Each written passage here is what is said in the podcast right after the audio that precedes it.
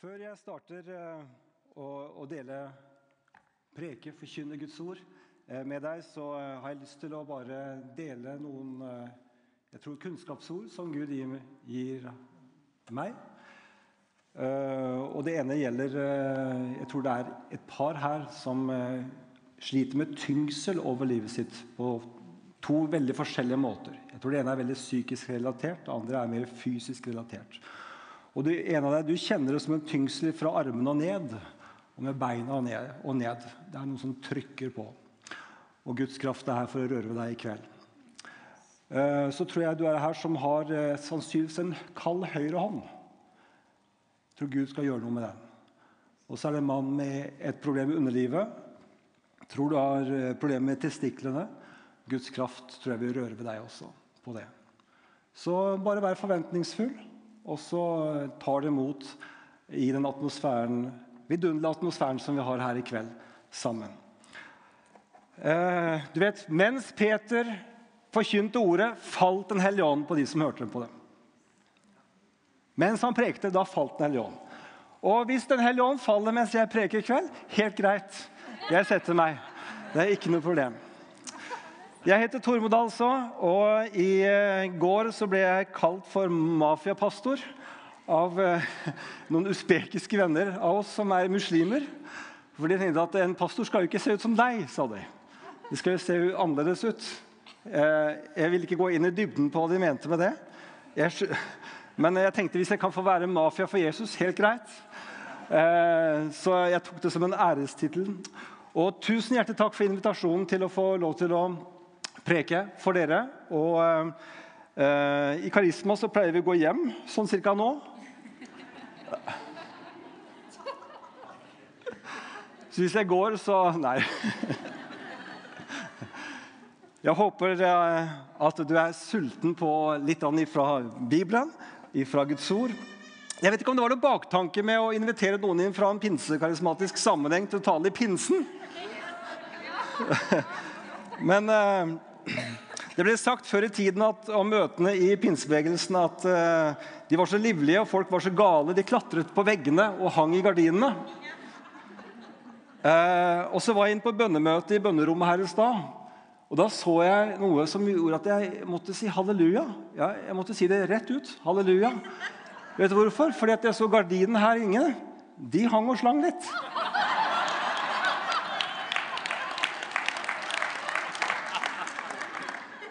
Så jeg tenker halleluja, kom, tenk at det er noen som er verre enn oss. Og det, det, Ja.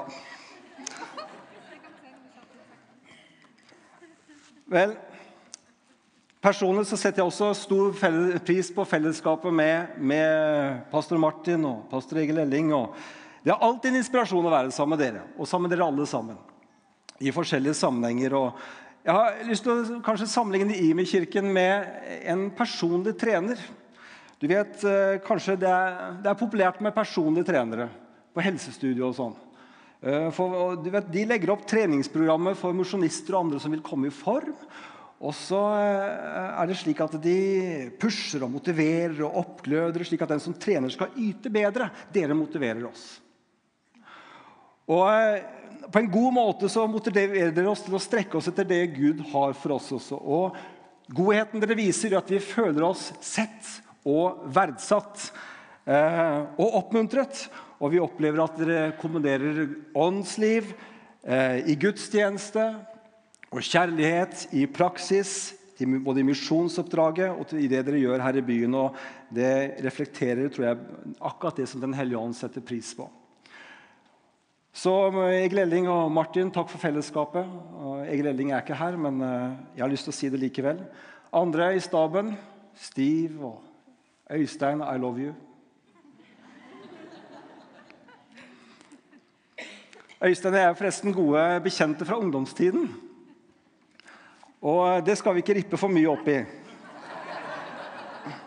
Av hensyn til Øystein. Vi har stått sammen som ungdomsledere for hver forsamling. Og, og vært med på fantastiske ungdomsleirer i Østre distrikt av Misjonsforbundet den gangen. Og eh, Øystein sammen med tre-fire andre venner var faktisk eh, blant dem som ba for meg, slik at jeg ble åndsdøpt i 86 som 16-åring.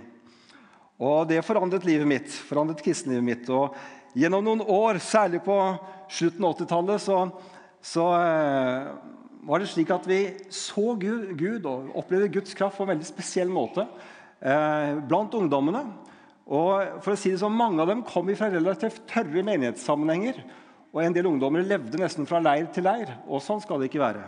Derfor er jeg så begeistra for i dag hvordan Gud reiser opp sterke menigheter som er med på virkelig å gi ungdommer også en løpebane åndelig sett. Så eh, takk Gud for at vi lever i dag. Men det var veldig bra den gangen òg.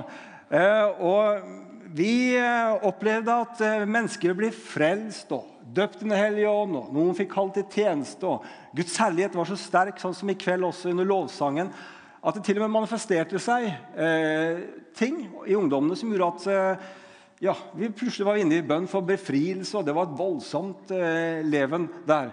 Og Det gikk ikke upåakta heng når noen ungdommer kom hjem til menighetene sine, fordi det var en del eldsteråd som ikke skjønte bæret av hva som skjedde.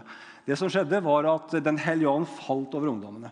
Den hellige ånd falt over en generasjon som opplevde at, eh, at uh, Gud berørte deres liv, og for mange av dem for alltid en forandring. Så det var fantastisk. Så, Men det er bedre å leve nå. Det var bra, det som var den gangen, men det er bedre å leve nå. Og eh, du vet, alle bibellesende, åndsfylte, karismatiske kristne er en del av den pinsekarismatiske familien og vekkelsen. Ja, men dere òg. Selvfølgelig. Eh, for den kjenner ikke Du vet, eh, fellesskapet går ikke gjennom langs de gamle konstellasjonene som den gjorde før. Gud skaper nye konstellasjoner. Med et folk som er hungrig på Gud, glad i Guds ord, elsker Guds ord, setter det høyt. Hellig ånd osv. Det, er, det er langs de linjene som nye konstellasjoner skjer, og det er fantastisk. Så vet du hva, sammen dere, så tilhører vi den delen av kristenheten i verden nå som vokser mest. Og For å sitere en gammel eh, pinsehøvding, Levi Petrus Han var jo da eh, tilsvarende TB Barrat. Hva han var for Norge, var Levi Petrus for Sverige. Og Han skriver i sin bok eh, 'Brytningstider og seierstider', som kom ut på ja, slutten av 60-tallet. Da anslår han i sin bok gjengitt tall om at den gangen var det 10-15 millioner pinsekarismatiske kristne i verden. Og på 50 år da, siden det så anslår man et eller annet sted i dag mellom 650 og 750 millioner pinsekarismatiske kristne. Så det vokser. Gratulerer med tilhøre det folket hvor, som representerer den kristendomsgrenen som vokser mest.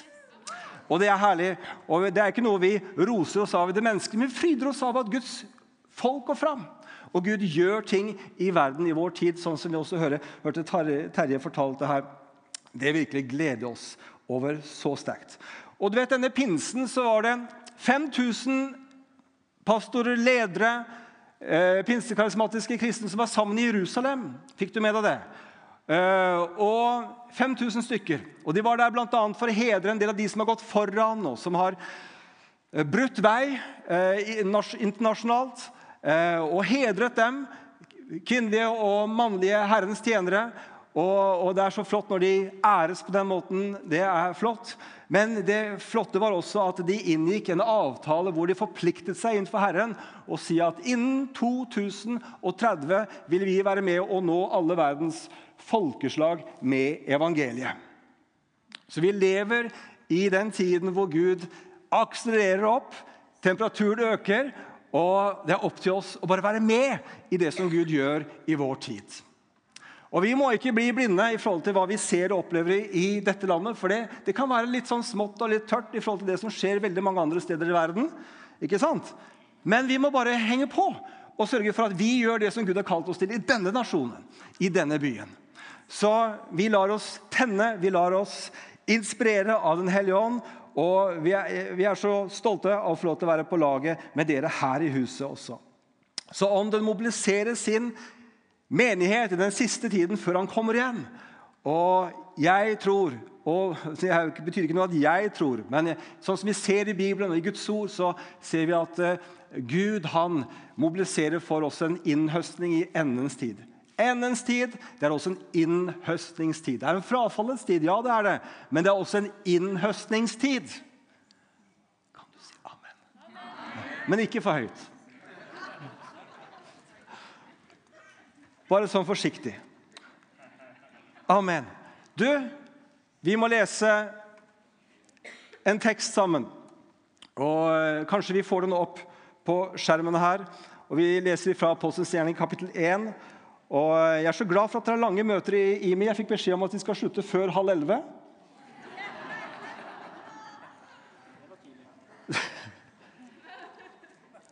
Apostelens gjerninger, kapittel 1, vers 6 i Jesu navn.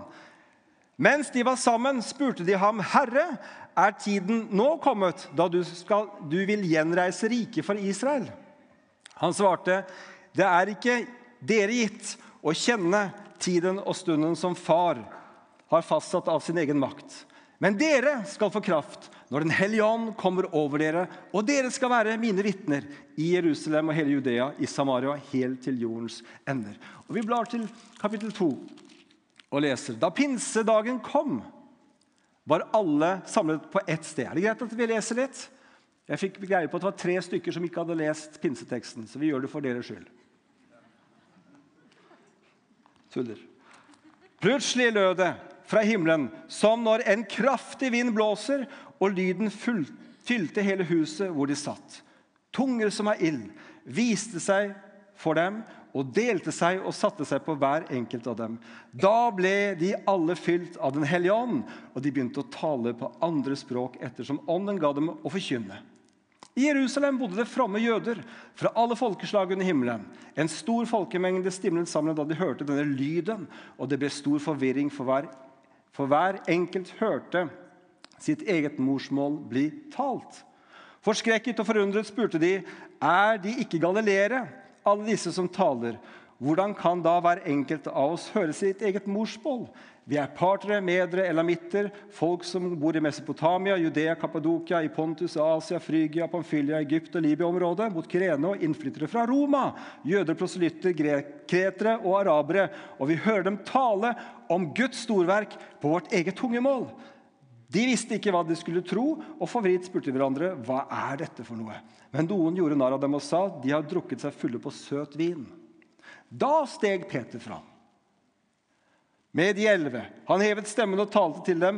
Jødiske menn og alle dere som bor i Jerusalem, merk dere hva jeg sier, og lytt nøye til mine ord. Disse mennene er ikke fulle slik dere tror. Det er jo bare den tredje time på dagen, altså det er klokka ni på formiddagen. Men her skjer det som er sagt gjennom profeten Joel i de siste dager. Skal det skje, sier Herren, at jeg øser ut min ånd over alle mennesker. Og vers 32 til slutt her. Denne Jesus har Gud reist opp. Det er vi alle vitner om. Det er midt i Peters tale her. Han ble opphøyet til Guds høyre hånd og mottok fra sin far Den hellige ånd, som var lovet oss. Og den har han nå øst ut, slik dere ser og hører. Det er herlig når Den hellige ånd blir øst ut slik at det ses og det høres. Vil du si 'ser og hører'? Den hellige ånds verk kan ses, og det kan høres. Vet du hva? Den hellige ånd skal ikke komme. Han har kommet. Han har kommet. Og fort litt Den hellige ånd i historien. Den hellige ånd er jo ikke noe nytt. Det var jo liksom ikke på Asusa-striden 1906 liksom da kom Den hellige ånd. Nei, men han har jo vært fra, fra verdens skapelse. Den hellige ånd er Gud. Guds ånd svevet over vannet, står det og har alltid vært. Og Den hellige ånd ga liv til ordet, Jesus, som Gud talte. Og det skapte. Så Den hellige ånd er skaperkraft.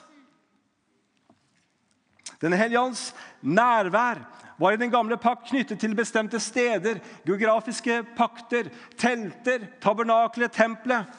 Men på pinsedag ble Den hellige ånd utgitt over alle mennesker. Og det var noe radikalt nytt. Det hadde aldri vært. Det var en historisk begivenhet med et før og et etter. Det var fullstendig nytt. Den hellige ånd ble utgitt over alle mennesker. Men Gud kunne ikke utgyte Den hellige ånd før påsken hadde vært. For Jesus måtte forsone verden med seg selv. Gud måtte forsone verden med seg selv. Han kunne ikke øse Den hellige ånd utover alt kjøtt før han hadde forsonet verden. Derfor så er påske først. For når Jesus forsonte våre synder på korset, så var det ikke bare dine og mine synder. Men det står han forsonte våre synder. Ja, ikke bare våre synder, men hele verdens. Hele verdens. Gud var i Kristus, sier eh, 2. Korinterbrev 5, og forsonte verden med seg selv og tilregner dem ikke lenger deres synder, står det der. Gud tilregner ikke verden deres synder. Ja, Betyr det at alle er frelst? Nei, det betyr det ikke. Men det betyr at Gud er forsonet. Det er godt budskap å komme ved. Det er fantastiske nyheter at Gud har forsonet verden med seg selv. Så påsken måtte komme først, og så måtte Kristi himmelfartsdag komme. Fordi at Jesus måtte hjem til sin far. Og Der sier altså Peter, som vi leste i vers 32 eh, her, han mottok Den hellige ånd han for opp fra himmelen til sin far, mottok Den hellige ånd og øste ham ut på pinsedag. Så påske og Kristi himmelfartsdag måtte være først, og så kunne pinsedag komme. Og Gud øste ut. Jesus øste ut Den hellige ånd over alle mennesker. Wow! Hva gjør det med vårt syn på mennesker når vi vet at Gud har forsonet hvert menneske med seg selv? Hva gjør det med vårt syn på mennesker når vi også ser forstår at han har utgitt sin ånd over alle mennesker? Jo, Det betyr at når vi møter mennesker, så kan vi se dem med Guds blikk. Se dem forsonet, se dem frelst, og få være med å lede dem til frelse. Lede dem til et møte med Jesus. Den hellige ånd er over dem, for Den hellige ånd er så interessert at mennesker skal komme i kontakt med Gud og bli frelst. Tror du det? Vi tror på det.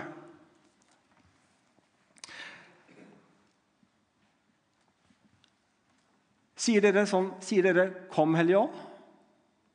Ja, det gjør jeg også. Vær forsiktig med det, altså. Vet du hva? Hvis eh, Og jeg mener litt også. For, for, hva betyr det at vi sier 'Kom, Hellige Ånd'? Betyr det at han ikke er her fra før? Og at han først kommer når vi sier at han skal komme? Nei, det gjør det ikke. Men jeg vet veldig godt hva vi mener med å si 'Kom, Hellige Ånd'. For vi ber om Hans manifesterte nærvær. Men la oss være bevisst på når vi sier 'Kom, Hellige Ånd', at ikke vi inviterer som, altså, At vi nesten inntar en posisjon hvor vi står utenfor, eller at Gud er utenfor, og at nå skal han komme inn. Nei, han ble faktisk med deg inn på møtet, for han bor i ditt hjerte. Han er med deg, han er hos deg, han er alltid i deg. Det er ikke slik at han kommer fordi at du ber han komme. Han er der alltid! Han er der alltid. Og du og jeg vi trenger å bli var oppmerksom på hans nærvær og regne med hans nærvær. Koble på at han faktisk bor ved troen i våre hjerter. Og så er det greit å si 'Kom, Hellige men ikke for at han skal komme, for han er her. Og han bor i ditt hjerte. Heldigvis så flytter han ikke inn og ut, men han bor der. Han er ikke på besøk engang. Han har tatt bolig i våre hjerter.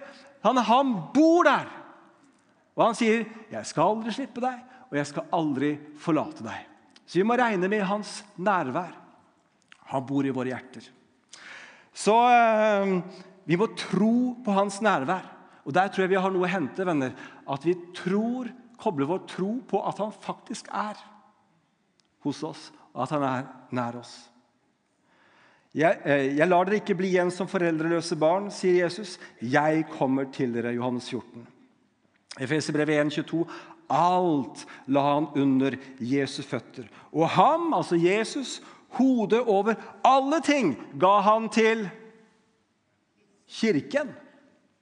Han ga den til kirken, som er Kristi kropp. Vi er Kristi kropp. Fylt av Ham som fyller alt i alle. Hva er det Gud har gjort for noe? Gud har fylt sin kirke med sin ånd, slik at vi kan være med å fylle verden med Hans herlighet. Hvor er det Gud har latt sin herlighet bo? I sin menighet. Og vi må begynne å tro virkelig på den herlighet som Gud har fylt i sin kirke. Her rommes det noe som er grensesprengende på alle tenkelige måter. Her er bare mye større enn vi kan forstå, og vi må tro på det. La oss ikke lage Gud til en liten gud, avhengig av våre følelser. La oss strekke oss etter en tro som er med for å forløse Guds herlighet iblant oss. Jesus vil være hos sin menighet og bli hos sin menighet helt til han henter oss hjem. Og Tormods største utfordring og vekstmulighet er å tro på det Gud har sagt om Jesu nærvær i sin kirke gjennom Den hellige ånd. Det er min største utfordring, og kanskje det er din utfordring også. Se, se på han karen her. Unge mannen. Unge, kjekke mannen. Hvis powerpointen står oss Bi. Han, ja. Han til høyre, mener jeg. Apropos ung. Det er min sønn Isak. Den unge mannen. Uh, han er min yngste, han er min eneste sønn. Han ble født og var fem kilo tung. Det var en belastning for min fru. Og Fødselslegen sa når han ble født her mangler det ingenting. sa han. Det er bare å kjøpe konfirmasjonsdressen med en gang. Og Så spurte han oss eh, har han søsken. Ja, kunne vi fortelle. Han har tre søsker. Å, stakkars, sa han. Tre søstre og stakkar. Så det, Han syntes nesten synd på Isak, som hadde tre større søstre. Så Isak han er min sønn. Han bor i vårt hus, han spiser vår mat, han bruker våre penger, han ser for mye på TV, forstyrrer gjerne vår nattesøvn innimellom og gleder oss og gir oss en hel del arbeid. Han oppfører seg som sønn. Og faktum er at Hvis Isak hadde kommet til meg og spurt liksom en, en, dag pappa, kan jeg få lov til å spise mat, eller kan jeg få lov til å bo i huset, kan jeg få være din sønn, så hadde jeg følt at nå er noe helt på, helt på tok. Nå er det fullstendig galt. Er det et eller annet som ikke stemmer? Er du med? Skjønner du hvor jeg vil hen? Hør, vi har en himmelsk far, og han forventer at vi lever og bruker de rettighetene som vi har fått i Den hellige ånd. Du behøver ikke å trygle og be for å få noe av han. Han gir vilje uten bebreidelse. Ja, Vi skal be, det er ikke det. Men hør, vi er sønner, vi er døtre av Gud, av vår himmelske Far. Og Gud, han vil gi. Så vi trenger altså å lære oss å tro på Guds nærvær. Jesus er min tro. Jesus er min tro. Og, jeg, og den troen han gir, det er min kobling med hans nærvær. Med det som Jesus vil gi. Så tro er jo et stikkord, for det er det som kobler oss på kraften. Gud er som et kraftverk. Når vi kobler oss på ham, som er kraftverket, så gjør vi det ved tro. Og Hebreerbrevet sier at uten tro er det umulig å være tilbake for Gud. Så vi får tro. Det er en gave. Jesus er vår tro. Vi får lov til å tro med den tro som han har gitt, som han har født inn i våre liv. Så det er vidunderlig. Det er herlig. Og Samtidig så er det slik at vi gjerne vil kjenne, men ingen av oss lever jo av følelser. Vi lever jo ikke av følelser, vi lever jo av tro ved Hans nåde. Og Jeg husker tilbake som student. Jeg leste teologi og, og satt på hybelen og på Ansgar-skolen. eh, Leste jo i Bibelen leste mm, litteratur. Oppbyggelig skulle det være. Men av en eller annen grunn så satt jeg der og kjente det her er bare så tørt. Jeg føler at Gud, du er jo milevis unna. Jeg kjenner ingenting. Herre, det er jo så det støver av livet mitt. Det er jo så tørt. Og så tenkte jeg det er jo ikke mulig. Jeg er jo et brødhus. åndelig talt. Jeg sitter jo her og leser teologi, leser Guds ord og studerer, og sånn, og så kjenner jeg det så tørt. Hva, hva gjør jeg? Og så sa jeg, 'Herre, jeg vet jo det er slik at du sier at selv om jeg ikke kjenner det, så er du her.' Jeg vet jo det er sånn. Og så ba jeg en bønn som jeg følte var litt modig. Jeg sa, 'Herre, hvis det virkelig er slik at du er nær meg, selv om jeg ikke kjenner noen ting nå' og kjenner det så tørt og så dødt i mitt liv. Hvis det virkelig er slik at du likevel er hos meg, så la meg bare få kjenne ditt nærvær. Bare denne ene gangen, så skal jeg aldri be om det igjen. Er det bare jeg som har hatt det så tørt i kristenlivet mitt? Eller er det en annen sjel her som er litt ærlig med meg? Er, på, er jeg på lag med noen? Jeg tror vi alle har kjent det sånn at eh, noen ganger er det så tørt. Men vet du hva som skjedde? Jeg hadde ikke mer enn bedt den bønnen i min ørken. Så kommer Guds nærvær over meg og omgir meg. Og det er så tett, og det er så fylt av nærvær. Og jeg sitter med lukkede øyne, og tårene strømmer, og sier, 'Takk, kjære Jesus, at midt i det tørre landet jeg var i, så var det sant likevel at du var hos meg.' og at du var hos meg, selv om det var så tørt og jeg ikke kjente noen ting. Og så var du her. Og nærværet var så tett og fortettet at jeg satt med lukkede øyne og vinduene foran meg. og Jeg turte ikke å ta bak meg, for jeg var redd jeg skulle ta på Jesus. Vet du, Jeg har aldri bedt en bønn igjen. Det betyr ikke at jeg ikke har kjent Guds nærvær. Men ved tro så vet jeg at han alltid er hos meg. Ved tro så kan du vite at hans nærvær er alltid hos deg. Hadde det ikke vært deilig å ha lovsangstime med hjem på soverommet? når du skulle be og prise Herren selv? Men jeg har det ikke sånn jeg, at jeg får hele bandet med meg hjem. Så jeg avhenger liksom av at, eh, at jeg må tro at Guds nærvær er hos meg, selv om jeg ikke har med ekteparet og Hove her. Horne, unnskyld, Horne. Og resten av bandet. Uansett hvor mye jeg skulle ønske det. Så jeg må klare meg sjøl, på en måte. Ja, men Det er lønnkammerbønnen. Det er greit, det også. Men det er annerledes. Men Guds nærvær er like mye hos meg for det. Hør, Den hellige ånd kom for en hensikt, ikke for å få oss til å føle godt. Det var jo ikke derfor Den hellige ånd kom. Ikke, forakter ikke følelser, men han kom ikke for at vi skulle føle det godt. Han kom for å utruste sitt folk. Den hellige ånd på pinsedagen når han kom, så var det for å salve sin menighet med kraft. Og Derfor så sa Jesus det i Apostelgjerning 1,8 at dere skal få kraft idet Den hellige ånd kommer over dere, og dere skal være mine vitner i Jerusalem, Judea, eller Samaria, Judea, like til jordens ender. Så Jesus kom for en hensikt, eller Ånden kom for en hensikt, for å salve sitt folk. Og Peter han sier dere er en utvalgt slekt. Et kongelig presteskap. Ja, Før så salvet han prestene, kongene og alle disse her. Nå har han salvet sin menighet, den enkelte troende, med sin kraft. Et hellig folk, et folk som Gud har vunnet, for at dere skal forkynne hans storverk. Han har utrustet oss for å være med og forkynne hans storverk.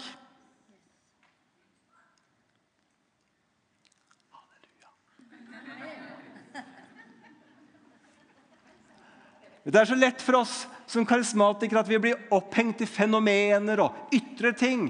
Vet du hva? Det kan bli på en måte en avsporing. Vi har ingenting imot det. Folk kan oppføre seg som gale bare de møter Jesus.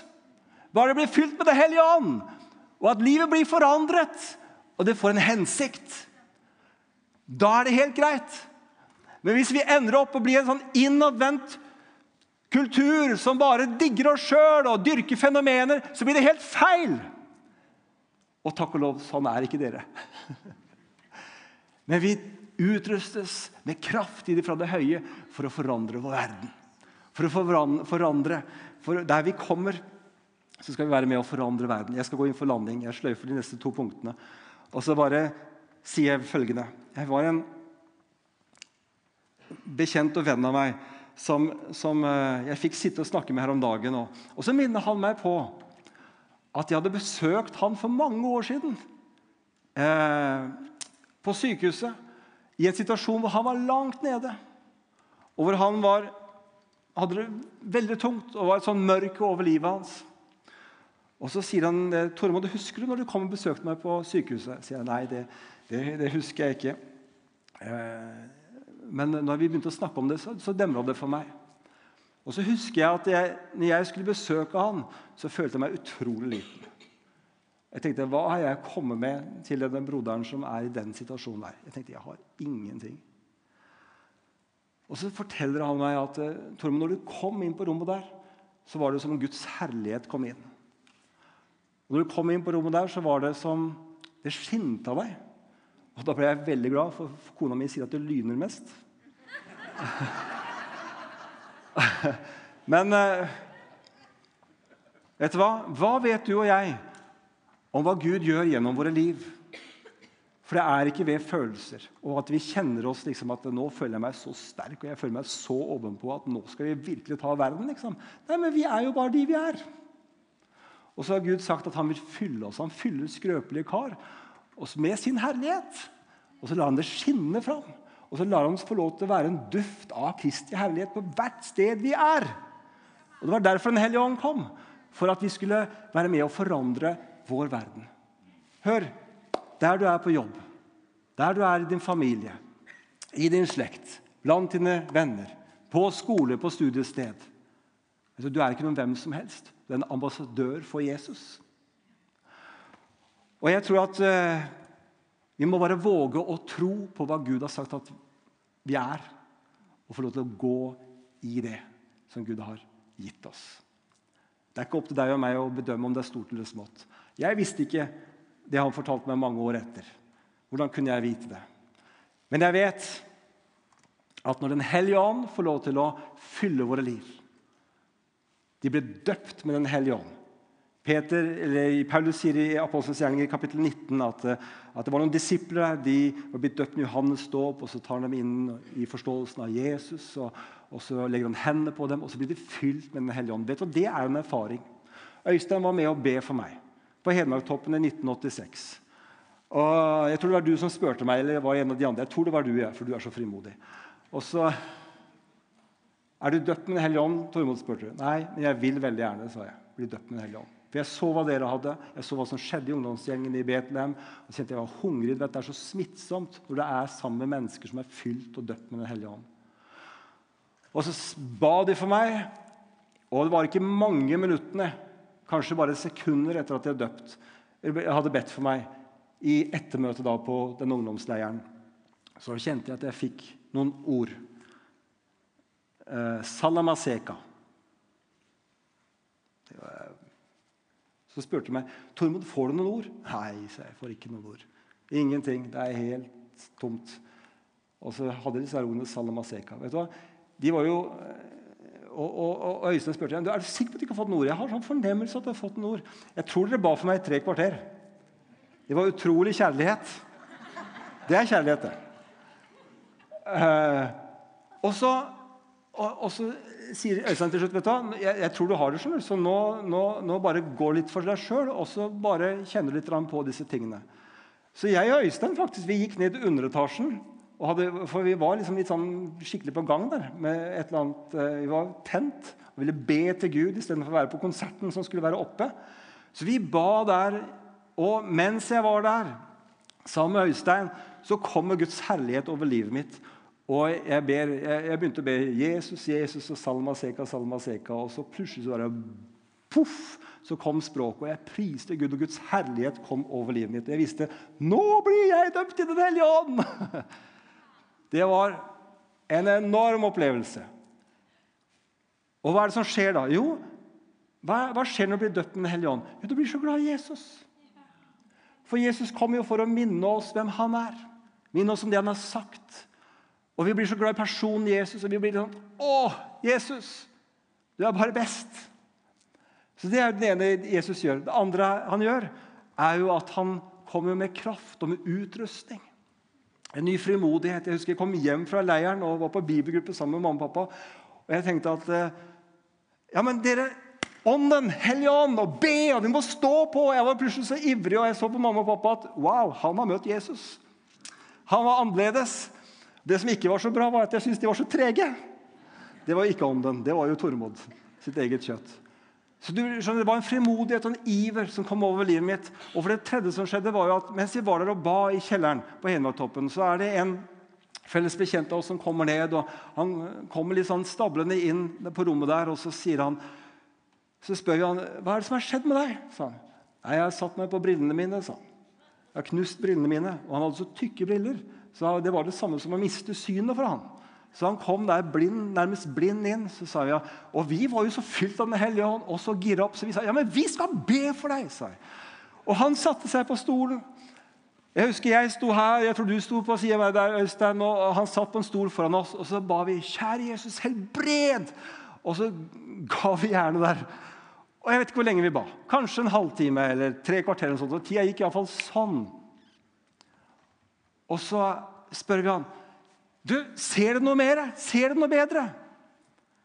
Nei, jeg vet ikke. Jeg sånn, myste rundt og så rundt i rommet der. Og, og så Nei, jeg vet ikke.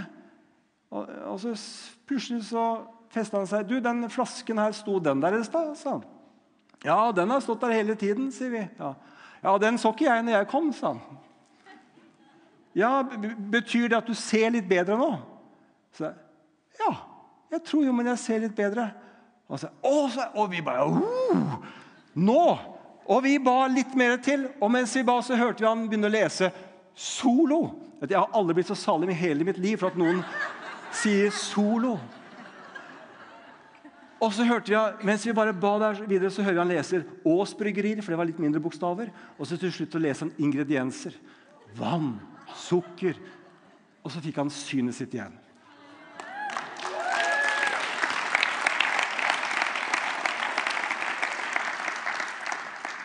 Så Den hellige ånd han kommer med kraft og utrustning. Han, kommer, han utruster oss til å kunne være med og forvandle vår verden. Amen. Der slutter vi.